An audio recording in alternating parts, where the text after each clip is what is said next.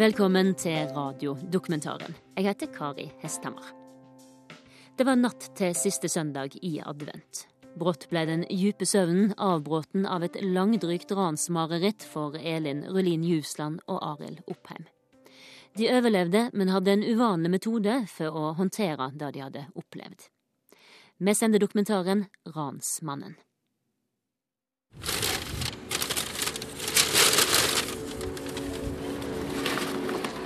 Sånne ting som er veldig kjipt å se. da.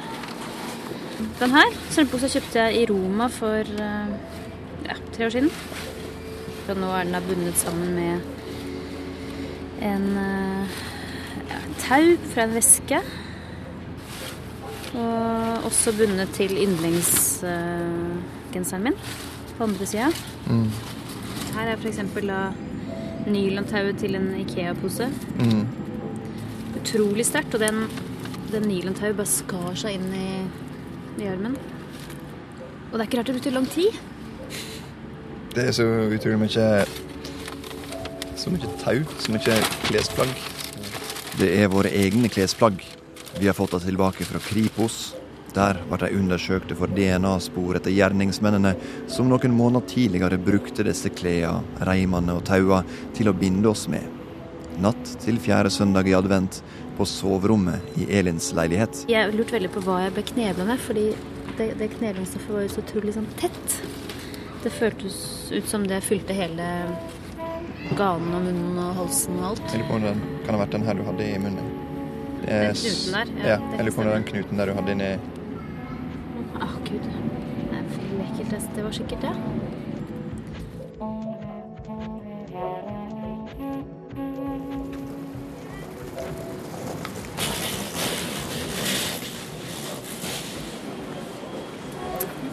Du, nå ser jeg at vi har fått uh, mail fra, Oi. fra Unni her på denne dommen. Vi var på Gardermoen. Hadde nettopp stilt oss i køen til sikkerhetskontrollen da Elin åpna e-posten fra bistandsadvokaten på telefonen sin. Det var dommen, og vi klarte ikke vente med å lese. Det er skjerpende at ranet ble begått på natta i de fornærmedes hjem. Eh, det er videre skjerpende at de ble utsatt for trusler om drap og tortur. De ble slått og bundet mens de lå nakne i egen seng. Hele fremgangsmåten var svært skremmende for de fornærmede, som hadde en reell redsel for at kvinnen skulle bli voldtatt og begge bli drept. Han dømmes for overtredelse av straffelovens paragraf 268 annet ledd osv. Og, og, og 267 De sa de skulle drepe oss, og vi trodde på dem. Så hvorfor i all verden kjenner vi nå på et behov for å se disse mennene igjen? Da vi lå der den natta, så fikk jo vi vite litt av det som kanskje er historien til disse to gjerningsmennene. Mm. Vi vet jo ikke om det stemmer noe av det. Om de har vært i Afghanistan, om de har blitt behandla feil på asylsøknaden sin. Mm. Men i hvert fall så husker jeg at da vi lå der, så begynte jeg allerede da å tenke litt på bli nysgjerrig på historien deres. Mm. Hvorfor i alle dager havner disse to her i den leiligheten og gjør de tingene her?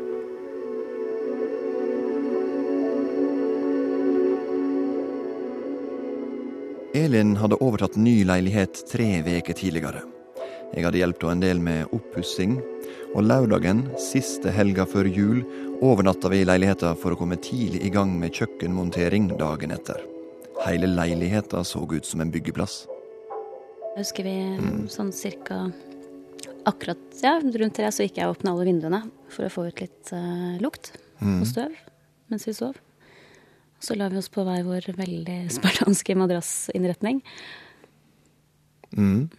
Så jeg sovna pang. Jeg var veldig, veldig sliten. Neste jeg husker bare da, det er at eh, jeg våkna av at du bevegde på deg, og så opp og sa Georg. Mm, jeg sa Georg, faren min. Han eh, var egentlig på vei over fra Vestlandet og er en sånn type som gjerne kan komme litt sånn til odde tider på døgnet. Og låse seg inn og Så jeg tenkte at oi, det var da veldig tidlig han kom denne gangen her og ropte pappa, eller Georg. Eh, men så da en skikkelse i lyset fra gangen som som ikke var pappa i det hele tatt. Og så Og så hadde plutselig, så før en rakk å skjønne hva Før jeg rakk å skjønne hva situasjonen der egentlig var, så kom de springende mot oss og brølte 'Don't look, don't look, or we kill'. mm. Jeg bare følte at nå er det bare å gjøre som de sier, og jeg tror at det gikk for et par minutter før jeg begynte virkelig å bli livredd. Mm. Det var som en instinkt. OK, jeg må høre på hva de sier, jeg må ikke se på dem, for har du sett for masse, så tar de valg. Så den satt uh... Jeg tror du sa det til meg, noe sånt. Ikke se på det. Men litt hadde vi sett allerede. De hadde jakke med hette og et eller annet som dekka ansiktet. Og Elin hadde lagt merke til at den ene hadde et arr mellom øynene. Um, jeg turte ikke å se opp i det hele tatt. Um, hørte bare at de romsterte rundt i byggerotet vårt, antakeligvis for å finne det de trengte for å binde deg. Mm. Hørte de spjæla noen gensere, og noen Seinere har jeg skjønt at det var noen vesker som de holdt på å skjære av remmene på. Jeg følte meg i hvert fall veldig, veldig liten i den situasjonen der med å skulle ikke kunne bevege meg i det hele tatt. Jeg turte jo ikke bevege- meg, jeg var ikke bundet ennå, men jeg prøvde å snakke med deg, og da fikk jeg ganske fort et uh, ja, noe stoff inn i munnen. Dytta inn i munnen. Mm. Så jeg lå da med hodet ned i madrassen eller ned i puta og syntes det var veldig vanskelig å puste. Fra før med nesa, og det ble bare enda verre med det stoffet inn i munnen. Vi visste jo ikke om de var bevæpna eller ikke. Mm. Det vanskelige med å skulle vurdere Er det mulig å stikke av her, er det mulig å ta opp kampen, og er det smart eller ikke smart? Så, men det er, det er det når en ligger to, Mm. og skulle synkronisere eh, og hva skal jeg si Jeg har kanskje ikke helt de samme konsekvensene av om det hadde gått galt med meg, men eh, eh, å, å ta risiko på vegne av eh, døtrene dine, det Mm. var veldig vanskelig å vurdere. Mm. Elin har to døtre, som da var fem og åtte år. De gleda seg stort til å flytte inn i moras nye leilighet, og den yngste hadde flere ganger spurt om å få overnatte der, sjøl om alt ikke var ferdig. Heldigvis hadde Elin svart ikke ennå. Denne natta sov de i huset hos faren sin et par hundre meter nede i gata. Så jeg tenkte at nå er det bare, nå må jeg bare gjøre motstand. Jeg klarer ikke å bare være rolig. Det går ikke an å bare være rolig og tenke på at jeg ikke skal se jentene mine som ligger og sover 200 meter nede i gata. Så jeg, måtte, jeg prøvde bare å reise meg opp for å kunne løpe ut til dem. Halvveis opp på knærne. Prøvde å gjøre det.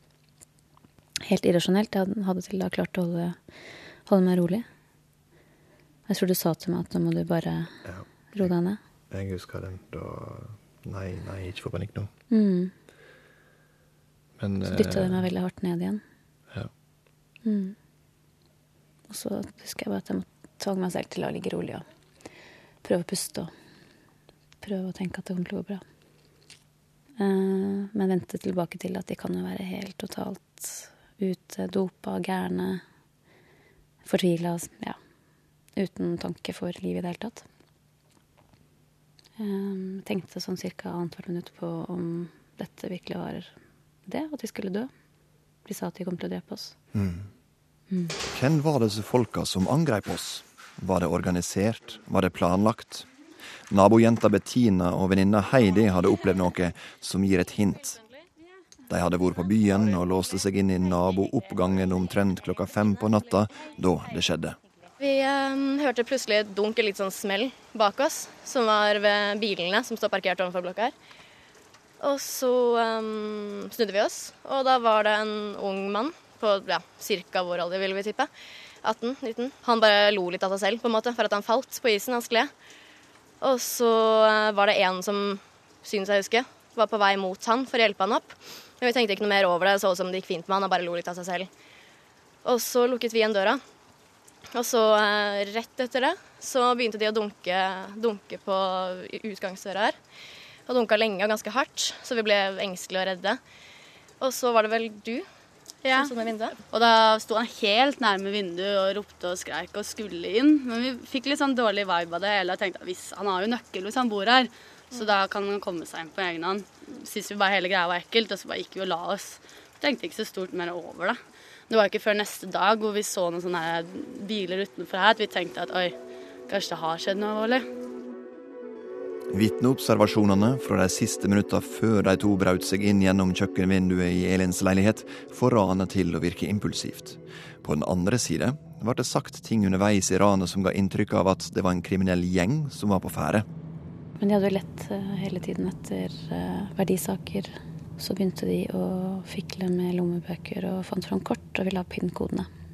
Hmm. De ville sende av gårde den ene for å ta ut penger i en minibank, eh, sånn at den andre kunne være igjen og sjekke med oss om opplysningene var riktige.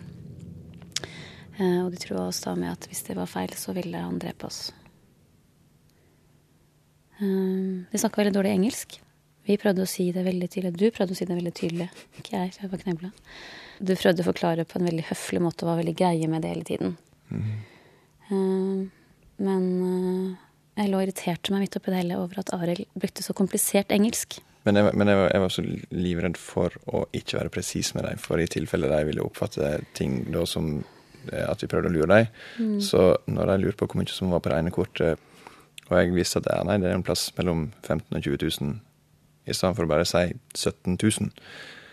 Så Den, ja. sa jeg 'between 15 and 20 000', og det var Perhaps between.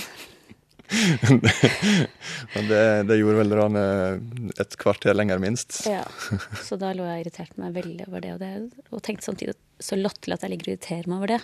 Jeg ligger her bundet og kanskje er i ferd med å bli drept. um, ja. En viktig ting var å prøve å roe dem ned, for at de var så, de var så hysteriske. hysteriske. Mm. Så ble jeg jo slått uh, i bakhodet med en knyttneve. Uh, et par ganger så prøvde de å vise hva de kom til å gjøre med oss ved å slå oss over nakken. Mm. At de kom til å henrette oss hvis vi gjorde noe. Så det var ikke noe tvil om at de ville finne på, tenkte jeg da, det de faktisk sa. De sa også at de hadde vært i Afghanistan, og det tenkte jeg masse på da jeg lå der. Hva har de opplevd i krigen hvis de har vært i krigen? Hva var de i stand til å finne på? Mm. Vi ble etter hvert bundet, eller jeg ble i hvert fall etter hvert bundet med armene og beina sammen som i en bue. Med, mens jeg fortsatt lå ned med, på magen. Og beina og armene var opp i en bue bak ryggen. Litt sånn som man binder opp eh, en kalkun. Ja. Jeg var bundet på akkurat samme måten. Mm og tenkte på alle mulige torturmetoder jeg kunne, sikkert. Mm. Og ikke minst at hvis du kommer fra en sånn herja bakgrunn, så er du er grensene for hva som går an å gjøre, sannsynligvis forskjøvet så enormt at det kunne være til å ta livet av oss for uh, småpenger og mm. mobiltelefoner. De sa de måtte hjem til familien sin. Mm. Trengte 20 000 kroner eller vi rike nordmenn fortjente dette her. Det var ikke noe problem for oss.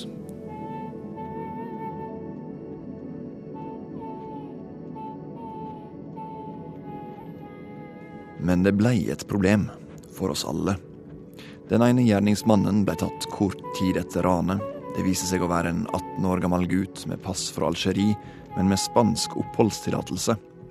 I politiforklaringa sa han at han fikk penger av mora si for å reise på ferie til Norge og oppleve norsk nyttår. At han aldri før hadde gjort noe kriminelt. At han bare hadde møtt feil fyr på en kafé her i Oslo. Han som lokka han med på innbruddet. Liksom en ser for seg livet hans helt fra tidlig sånn som guttunge i Algerie. Mm. Eh, og flykte til Europa. Sannsynligvis med drøm om eh, en fin tilværelse her. Mm. Og ende opp med Fengsel i Norge. Et tilfeldig lovbrudd mm. som har strafferamme på tolv år.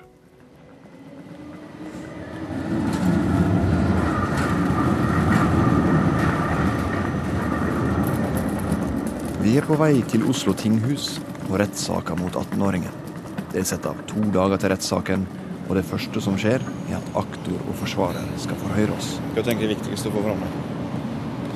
Hvor, hvor, mye det her har gått inn på meg. Hvor helt spesielt det er å bli angrepet i sitt eget hjem mens man sover og føler seg veldig trygg. Han er 18 år, og kan hende han ikke var den som var hovedmannen her, men han, han må virkelig forstå hvor hvor ille det han gjorde, var. Han ble dømt til ett år og sju måneders fengsel. I praksis betyr det at han kan slippe ut etter omtrent et år med god oppførsel. Det var uansett ikke lengda på fengselsstraffa vi var mest opptatt av da vi etter en lang dag i rettssalen setter oss for å nyte sol og en matbit på en uterestaurant. Det var veldig rart å være i den salen. Det er rart å se på min, bare det er rart. Um, og så driver så satt jeg hele dagen gjennom og vurderte fram og tilbake hvor mye jeg skal tro på historien hans. For jeg har jo litt lyst til å tro på historien hans. Jeg følte at den dagen her har gitt eh, meg mindre tro på eh, historien hans, og større tro på at eh, han er en del av eh, Sannsynligvis bare en bitte liten brikke nederst i systemet, men at han er en del av eh, noe som er organisert. Jeg føler omvendt. Etter dagen i dag så har jeg mer tro på hans historie, selv om jeg ser at ikke alt stemmer. Så tror jeg på, på han når han sier at han er lei seg for det, f.eks. Og jeg tror på han når han sier at han har tenkt på oss mens han sitter der i fengselet og får vondt av det han har vært med på. Tror på de tingene. Jo, det kan jeg tro på. Men jeg eh, tipper nok ikke at han kom hit for å være på ferie. Hva du tror du om sjansen for å få prate med han? da? Jeg tror han vil snakke med oss. Jeg tror han Jeg tror han er veldig ensom der, det sier han jo selv. Mhm. fengselet, Og, og enhver liten Det er jo ingen andre her i Norge enn oss som har interesse av å snakke med han. Så vi er kanskje eventuelt de første, og de eneste som på noen måte noen kontakt med ham. Hva var den sanne historien hans? Behovet for å møte han ble sterkere jo mer vi tenkte på det. Jeg husker jo at jeg i starten var veldig nysgjerrig på hvorfor gjorde de det. Um, hadde de tenkt å drepe oss? Hadde de kommet til å drepe oss? Um, og dette evig, da, hva hadde, hva hadde de gjort hvis jeg hadde oppdaga at jeg hadde barna der? Det har vært sånne store spørsmål som gjorde at jeg i starten hadde veldig lyst til å snakke med dem. Um, men så har det gått over til etter hvert som jeg tenker at jeg Det er ikke sikkert det vil hjelpe meg så mye å få de svarene. Men jeg, da vi så denne 18 år gamle gutten, så ble jeg veldig nysgjerrig på mer av hans historie. Jeg fikk sympati for, eh, for han, og tenkte at ok, du er i en fortvilt situasjon. Eh, det er ikke sikkert det er din, din skyld, men eh, eh, Og du vil sikkert ikke leve av å rane folk sånn som du gjør akkurat nå. Eh, men hva er det som har gått galt i ditt liv som gjør at du ødelegger vårt liv? Vi håper å få stille han det spørsmålet direkte, om vi kan møte han i fengselet. Men eh, bistandsadvokaten sa at vi burde vente med det til saken var over og ankefristen passert. Jeg husker veldig godt første gangen jeg skulle jentene på overnatting der. Da var jeg veldig, veldig redd. Det var på en måte en sånn ekstra dimensjon ved å skulle føle seg trygg og tørre å utsette noen andre som er litt mer sårbare for noe, noe som kunne være farlig, på en måte. For det føltes litt farlig fortsatt. Det, det er nesten ingen heimeran i dette landet her, og i alle fall ikke mot tilfeldige ofre, sånn som oss. Så sånn helt rasjonelt så jeg bare bestemt meg for at det, det her er ikke noe problem.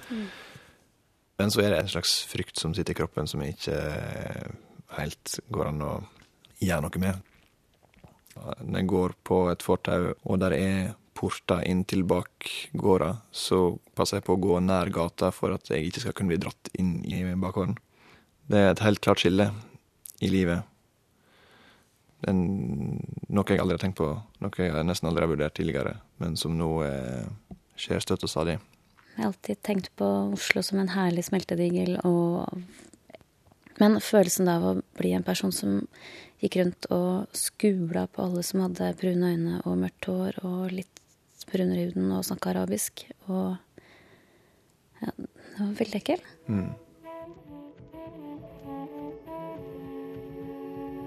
Det høres kanskje merkelig ut at frykta ikke stopper oss i å grave i historia og nettverka til gjerningsmennene, men nysgjerrigheten gjør at vi søker svar. Gjerningsmannen som er på frifot, har vi riktignok få spor etter, så vi konsentrerer oss om 18-åringen og drar til Spania, der vi veit han har bodd noen år. Håpet er å spore opp folk som kjente han, eller på annet vis finne historien hans. Det er dårlige tider i Spania og hyppige demonstrasjoner. Med arbeidsledighet på over 20% totalt og over 50% blant ungdom, er det mange som er frustrerte. Og nederst på rangstigen står innvandrerne. Kanskje var det finanskrisa som hadde fått 18-åringen til å trekke nordover for å finne et levebrød, legalt eller illegalt, i Norge? Er? And uh, we, we are on På nettet har vi funnet ei kunngjøring av et rettsdokument med gjerningsmannens navn på. Vi håper de på rådhuset i San Sebastian kan forklare hva dokumentet betyr. His name is here because uh, uh, they, put, uh, they put a fine to him. Okay. Okay, You- understand me? I can't, I can't say you what, uh, which was the fault.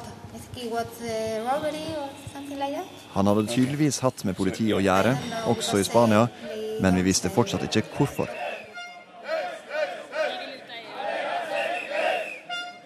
Samtidig som vi leter etter gjerningsmannens fortid i Spania, jobber vi med å få til et møte med han i fengselet i Norge. Og vi har spurt forsvareren hans om hjelp. Ja, det her er Elin Rolin Juseland. Hei, du. Du, Jeg ringer deg fordi at, eh, som vi jo nevnte under rettssaken, så har vi lyst til å ta en prat i fengselet. Ja.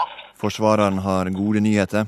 18-åringen har sagt ja til å møte oss. Absolutt mulighet. Det er kjempefint hvis man kan få til det, og det kan være til, eh, til hjelp og støtte, så er det veldig bra. Mm.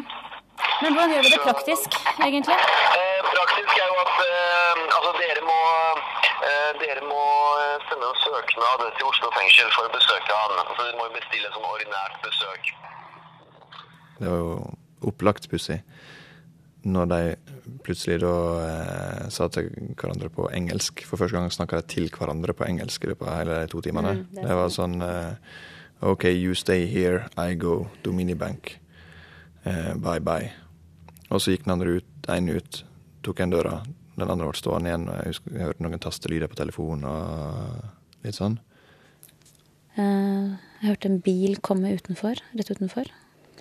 Eh, Og etter hvert så gikk det vel opp for meg at begge to hadde gått ut. At den andre også hadde gått ut. Han var ikke lenger inne i leiligheten. Og da lå både du og jeg helt musestille. Ingen av oss turte vel å prøve å gjøre noe som helst før det hadde gått i hvert fall fem minutter. Um, og da hadde jeg heldigvis uh, Den ene handa var ganske lett å få, få løs. Da hadde, hadde jeg sett at det lå en knipetang rett mm. ved siden av. Det var den de trua med å bite av øret ditt med. Ja. Den, da var det lett å klippe seg løs med resten, så vi kom jo oss egentlig løs på to minutter. Og da fant du en telefon. De hadde jo tatt fire. Eh, men vi hadde en gammel telefon uten SIM-kort liggende. Mm. Så da ringte jeg ned til nødnummeret. Det var da. Nå husker jeg veldig godt at da politibilen kom utenfor, så var jeg fortsatt redd for at jeg kunne være tyven som kom tilbake. Mm. Selv om jeg vi hadde til og med politiet på telefon. Mm. Men så utrygg følte jeg meg på at ting var, kom til å bli bra. Jeg husker veldig godt at jeg sto midt på gulvet og sikkerhetsgalv. Jeg husker ikke helt det, men jeg sto i denne ullgenseren og var naken under og hadde da kneblinga fortsatt halvveis på, tror jeg. Og en del eh, remmer etter bindingene rundt nede på anklene og på armene. Mm. Som var så harde at han politimannen som prøvde å få de han sleit lenge. Og det synet av at en politimann prøver å dra av meg disse remmene, det har brent seg fast.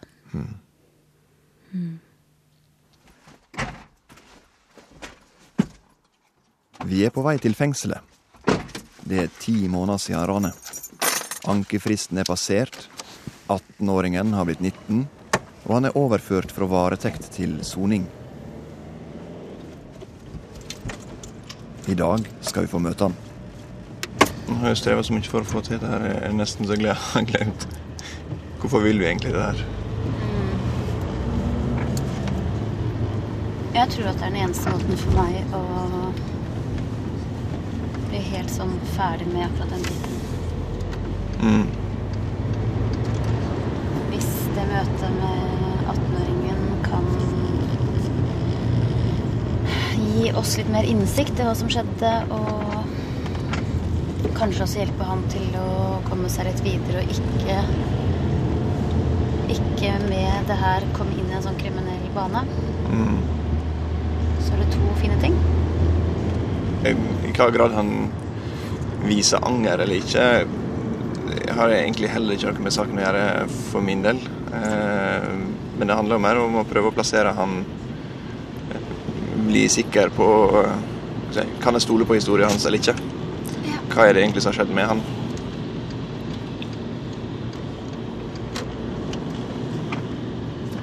Vi vil jo garantert ikke få et rent svar på Snakker han sant eller snakker han ikke sant? Eh, er han god eller er han ond? Eh, men vi får en sterkere følelse av det.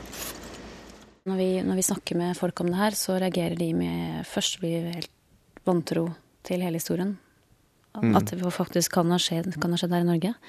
Med oss. Eh, Men også at vi ikke er mer sinte. Husker eh, fastlegen min første gangen jeg var hos henne etter ranet, så sa hun Elin, du må være sint. Du må, du må bli mye sintere. Hun er fra Frankrike og har følt på å være en slags utlending i Norge selv. Og hun sier dere nordmenn er altfor snille og imøtekommende og vennlige. Du må bli mer sint. Og jeg skjønner jo egentlig ikke den Jeg skjønner jo egentlig ikke den innstillingen i det hele tatt. Så kanskje vi er bare Kanskje vi Jeg vet ikke. Det hjelper ikke å bli sint. For det er et fengsel, så er jo Oslo fengsel, i hvert fall fra utsiden, ganske gitt. Ja, spørs hva jeg ser på det på innsida. På innsida får vi tildelt et besøksrom. Med oss har vi en tolk, og mens vi venter på at gjerningsmannen skal komme inn, flytter vi på stoler og planlegger hvem som skal sitte hvor. Det er en stor, svart skinnsofa innerst i rommet, et solid furubord framfor den og to dype stoler på den andre sida. På kortsida av bordet en krakk. Hva er klokka nå? Litt unna sittegruppa er det en liten pult med tegnesaker, spel og bøker meint for de som får besøk av barn. Rommet er for så vidt lyst og ålreit, som et venterom på et tannlegekontor. Det er veldig varmt her. Jeg skal sitte og litt. Det er et fengsel nå. Vil du ta på luftgarderoben? Ja, det var litt sånn dårlig varmt her. Det er jeg som Stemninga er litt spent. Ingen av oss har ro til å sette seg ned. Fengsel, altså. Og det er noe rart over hele denne situasjonen. Å stå der og vente på at han som gav oss vårt livs mareritt, skal komme inn i rommet. Hvordan er en naturlig høy temperasjon som Er det naturlig med tanntrykk, f.eks.? Jeg lå der og tenkte egentlig aller mest på på om de kommer til å drepe oss. Men mer enn det så tenkte jeg på jentene. Hele tiden. Og hva hadde de gjort hvis eh, jeg hadde hatt jentene mine der? Mm. Det får vi kanskje svare på. Mm. Plutselig er han der. Med raske og på en måte sjølsikre steg kommer han inn i rommet og hilser på oss. Med et håndtrykk. Så blir det nøling. Elin og jeg famla og leita etter ord, så da tok tolken kommandoen med å fortelle om si rolle. Raneren setter seg i sofaen, og vi begynner forsiktig med å spørre litt hvordan du har det her i fengselet. كل ما انا زايد في الجزائر في الحبس شنو راني تفكر في الحبس han forteller lavmælt og uengasjert at dagene stort sett går i jobbing. Han lager skinnetui for røykpakker som blir solgt i en butikk like utenfor fengselet. Og så trener han. Jeg kan for så vidt se at han har blitt kraftigere siden rettssaken. Han forteller at det er et tøft miljø i fengselet, at han helst ikke vil ha så mye kontakt med de andre. Han har sett en medfange bli knivstukket på cella fordi han skulle ha tatt en sjampo. Hva tenker han om livet sitt sånn videre etter løslatelsen? انت بتفكر في ايه في المستقبل يعني بعد ما تخرج من هنا؟ لا اقول لها قول له ما لك نخدم Han hadde håpet å finne jobb i Norge, sier han. Det var derfor han kom hit. Han ser ikke ut som en kriminell. Han er verken kraftig eller skummel. Han er mer som en typisk tenåring, som nå sitter og fikler med glidelåsen på jakka si, og ikke er særlig raus med blikkontakter. Men eh, har han da lyst til å være her i Norge, eller vil han tilbake til انا بغيت نعيش هنا ودروك جتني البارح كلها جتني واحد الورقه باللي بطرد Eh, jeg hadde veldig lyst på å bo her, men i går fikk jeg eh, utkastelsesvedtak. I går? Blant. Mm, I går. Dagen før hadde han fått beskjed om at han blir sendt ut av Norge så snart han har sona ferdig fengselsstraffa. Men han veit ikke om han blir sendt til Spania, der han fortsatt har oppholdstillatelse, eller til Algerie. Hva tenker han om livet sitt hvis han blir sendt til Algerie? فانت بتقول ايه ممكن يبعتوك الجزائر وبتقول ممكن يبعتوك اسبانيا. ايه نولي في- اسبانيا ها؟ نولي اسبانيا ده رئيس الهيئة اسبانيا. Ok, Hvis du kommer til Algerie, så reiser han til Spania igjen. Han har hele familien sin i Spania. De hadde flykta dit fra Algerie da han var tre år. Han sier familien har det bra, at de har så de klarer seg. Både mora og faren jobber, og storebroren. Han har òg en lillebror som fortsatt går på skole, og som er et stort fotballtalent. Men hva tenker han da om at han har eh, havnet her etter å ha prøvd å finne seg jobb, begynt å slå inn på litt feil vei, og så havnet i fengsel? Hva tenker han om det? Historien begynte da han var liten, forteller han. Han droppa ut av skolen etter to av de fire åra på ungdomsskolen. Han dreiv med nasking og småtyveri, og han har gjort mange ting han angrer på, som ikke er bra. أنا ما ما نبغيش نكذب عليك نقول لك أنا ما داير شيء في حياتي ومنها وأنا مخرودها كلها Så jeg har ikke lyst til å lyve for dere at jeg sier at jeg ikke har gjort noe sånt. Når jeg har, samtidig har gjort masse uh, faenskap. Han andre sa snakka om at eh, han hadde vært i Afghanistan. Veit han noe om, om det stemmer? التاني كان بيقول ان هو كان في افغانستان الشخص التاني اللي معاك ده كان بيقول انه كان في افغانستان انت عارف ده صحيح ولا مش صحيح؟ لا ده تستنبك Nei. Det var bare for å skremme oss? عشان يخوفهم يعني Men jeg har jo lurt lenge på, for jeg har jo to døtre som er seks og åtte år gamle. Og jeg lurte lenge på hvordan de hadde reagert om de sov hos meg. قالوا كيف يعرف كان انسان مريض Sa han til dere at han var i Afghanistan? Han har syka. Ja. Og vi khawf. Jeg, Jeg fikk ikke spurte han meg. Nei, det var eh, den, altså det, Jentene, mine to døtre på seks og åtte, skulle kanskje ha vært der. Og hvordan tror du at eh, altså, Jeg har tenkt masse på hvordan det hadde blitt hvis de var der. Har han, har han tenkt noe på det? احنا عندنا بنتين يعني هم عندهم طفل- بنتين بنتين. عندهم ستة ثمان سنوات لو كانوا موجودين تفتكر ايه اللي كان ممكن يحصل؟ لا ما ندير شيء ده هذا بيكرت نوع كانوا هربوا Så hadde de gått ut ده igjen. da, هذا eller hadde de- لبت ولا صاحبي ما بغى يهرب انا نمشي هذا han ikke løpt, så ville jeg ha løpt. Mm, ok. لا Han hadde løpt om Elins jente hadde vært i leiligheta. Så fikk vi i det minste ett svar, sånn som vi ønska det. Om vi nå kan tro på det. شباب ولا اللي دار Det er bare få måneder til han slipper ut, og Elin og jeg lurer veldig på om han har lært, om han har brukt tida i fengselet til å legge planer for et nytt og lovlydig liv, og spør om hva han vil gjøre når han slipper لا ut.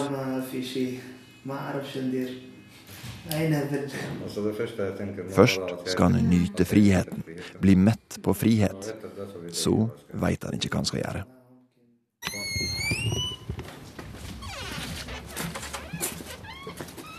Vi er tomme og utmatta da vi setter oss på en kafé like ved fengselet for å snakke om det vi nettopp har opplevd. Han virka jo ikke en smule nervøs for å møte oss i det hele tatt, egentlig. Han satte seg opp et hjørne i sofaen og Jo, han ville ha litt avstand. Det ville han. For meg er det sånn Det kunne gått tre sånn hovedutfall. Det ene var total krise, hvor jeg bare mislikte alt han var sto for og fremsto som. Eller skikkelig sånn Yeah, halleluja. Denne fyren her, stakkars, stakkars fyr. Eller midt på. Nå føler jeg at det er veldig sånn midt på. Ja. Virker ikke som han tar så veldig inn over seg at, han, at det er hans skyld at han sitter i fengsel. på en måte. At det er Jeg vet ikke helt hva jeg skal si. Om vi skal gi han opp eller håpe for han. Men for meg, da, så sånn rent personlig, så var det fint å si hei. Og jeg tror faktisk på når han sier at han ville ha forsvunnet ut av eh, leiligheten om de oppdaget at jentene var der. Ja.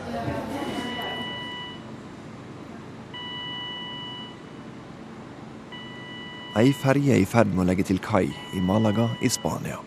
Den har kryssa Middelhavet. Det er ei slik ferje gjerningsmannen vil snike seg tilbake til Spania med om han blir sendt til Algerie. Og det var ei slik ferje han og familien kom med da han var tre.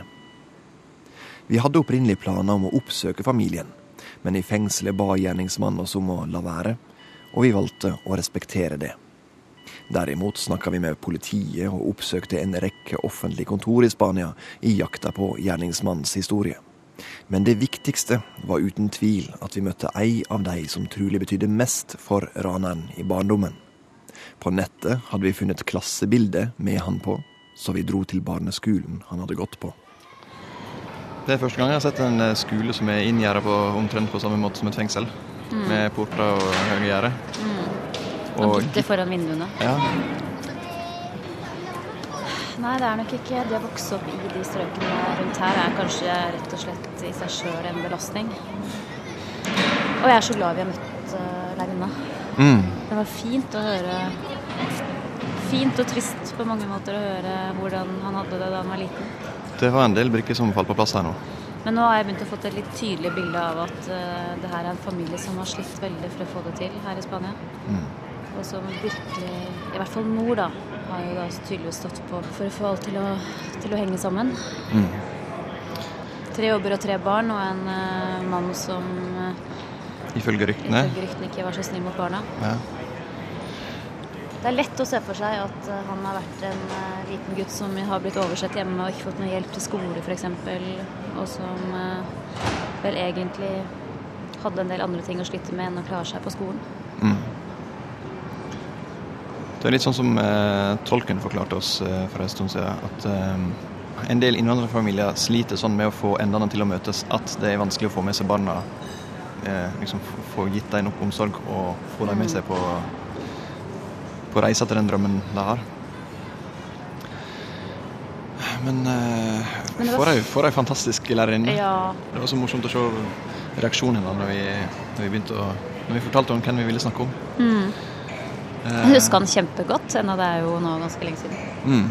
Hun var jo fortsatt strålte når hun snakka om han som elev. Ja. Hun huska han veldig godt, fordi, nettopp fordi som hun sa, han hadde slitt veldig med å prøve å få, få han til å fungere i klassa. Og, Hun hadde jo kjøpt bøker til han, skolebøker, Mm. fordi at hun visste at de ikke hadde råd til Ja. skolen. Det, er- det, er en, det er en lærer som er engasjert. Hadde hatt han ved siden av seg eh, ved kateteret stort sett hele tida. Og det var det, det fint å få oppklart. Det var, det var ikke dette han var en sånn si, ADHD. Nei, han var ikke, det han var ikke problembarn på den måten, men Han var en sjarmerende, søt gutt som hun huska godt, men som eh, ikke hadde hatt det så bra på skolen. Så jeg ser litt for meg nå at antageligvis er hun kanskje en av de få voksenpersonene i hans liv som har gitt ham noe som helst positivt Mm. ved siden av moren. hun var veldig liksom, Ikke bekymra, men hun var veldig spent på hvordan det ville gå med han når, Mm. eh, når hun slapp han videre fra barneskolen og han skulle over på ungdomsskolen. Ja. Og så gikk det to år. Mm. Så var det innbrudd på barneskolen, der han hadde gått. Og der hadde han vært med. ja. Det hadde blitt veldig skuffa over. Ja. Og det var det siste hun hadde hørt om han. Mm. Det, det var virkelig Det her føler jeg nesten var viktigere å snakke med hun eh, lærerinna enn kanskje å møte mor og far og søsken og Mm. andre i familien. Fordi hun, hun er litt sånn et sannhetsvitne på eh, hva slags oppvekst han har hatt. Mm. Hun ser det litt mer utenfra, kanskje. For, for min del så syns jeg det, det føles egentlig litt godt å høre at det ikke bare var ett tilfeldig uheldig valg som Mm. kanskje kan ha kommet til å ødelegge resten av livet. Mm. Det er mer ei utvikling, slags, og så får jeg heller eh, håpe han klarer å snu på den kursen. Mm. Eh, han har gjort flere dårlige valg gjennom eh, hele livet. Det er ikke kanskje ikke alle ting en kan si at det har vært reelle valg for han, men, men likevel eh, Det har vært en gradvis vei til Til der han er i dag.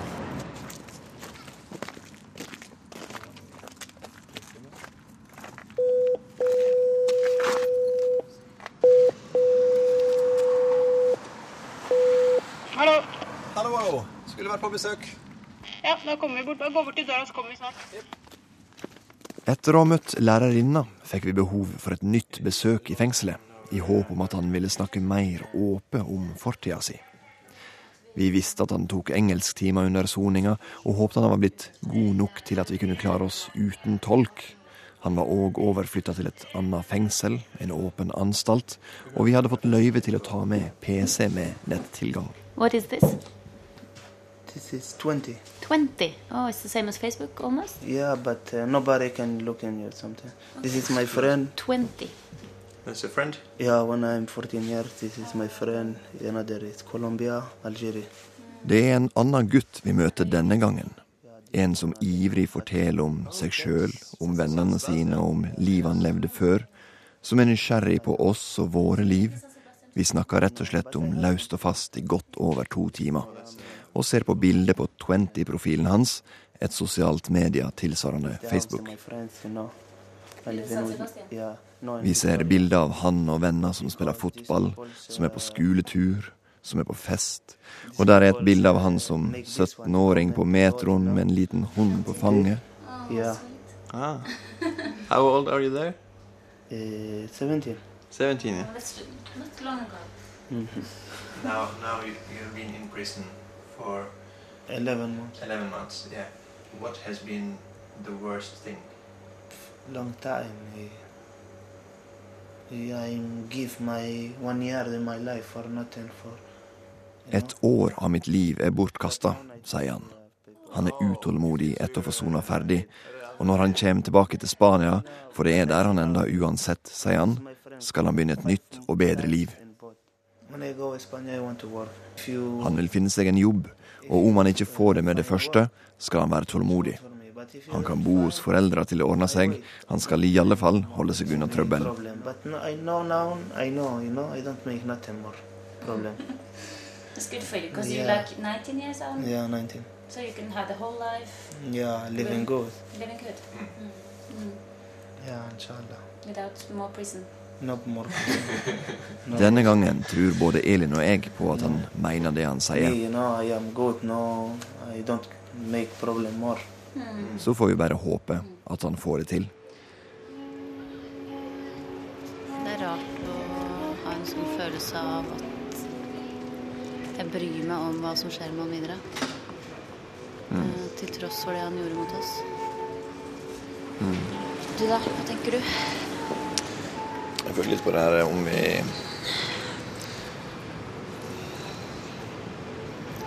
Om det er en god ting vi gjør, både for oss sjøl og for han, eller om vi er merkelig naive. Mm.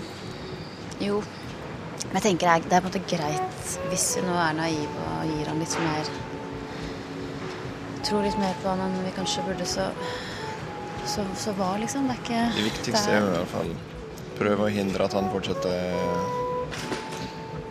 et kriminelt liv. Og da har vi ikke så fryktelig mye mer å gjøre enn det vi har gjort nå. Jeg ser ikke at vi kunne gjort det på noen annen måte, annet enn å bare kutta det helt ut. på en måte. Og det, det har jo vært bra for Jeg kjenner at det har vært bra for meg. Mm. Sånn med å bearbeide hele, hele den fæle natta.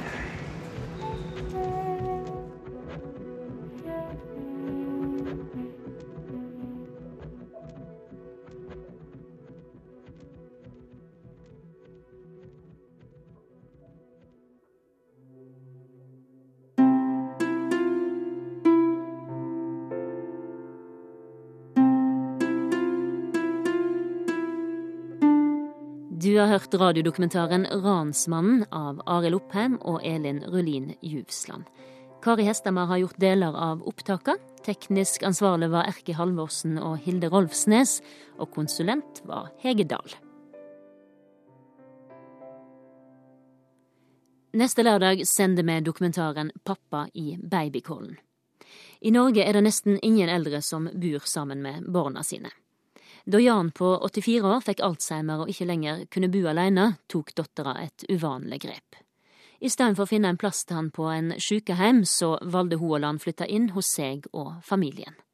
Det betyr jo for meg at jeg må på en måte være i nærheten av han 24 timer i døgnet for at han skal kunne bo hjemme. Pappa? Hvis du skal på do, så må du gå mot den gule døra til høyre. Hør dokumentaren 'Pappa i babykollen' lørdag om ei uke her på NRK P2, eller når du vil som podkast.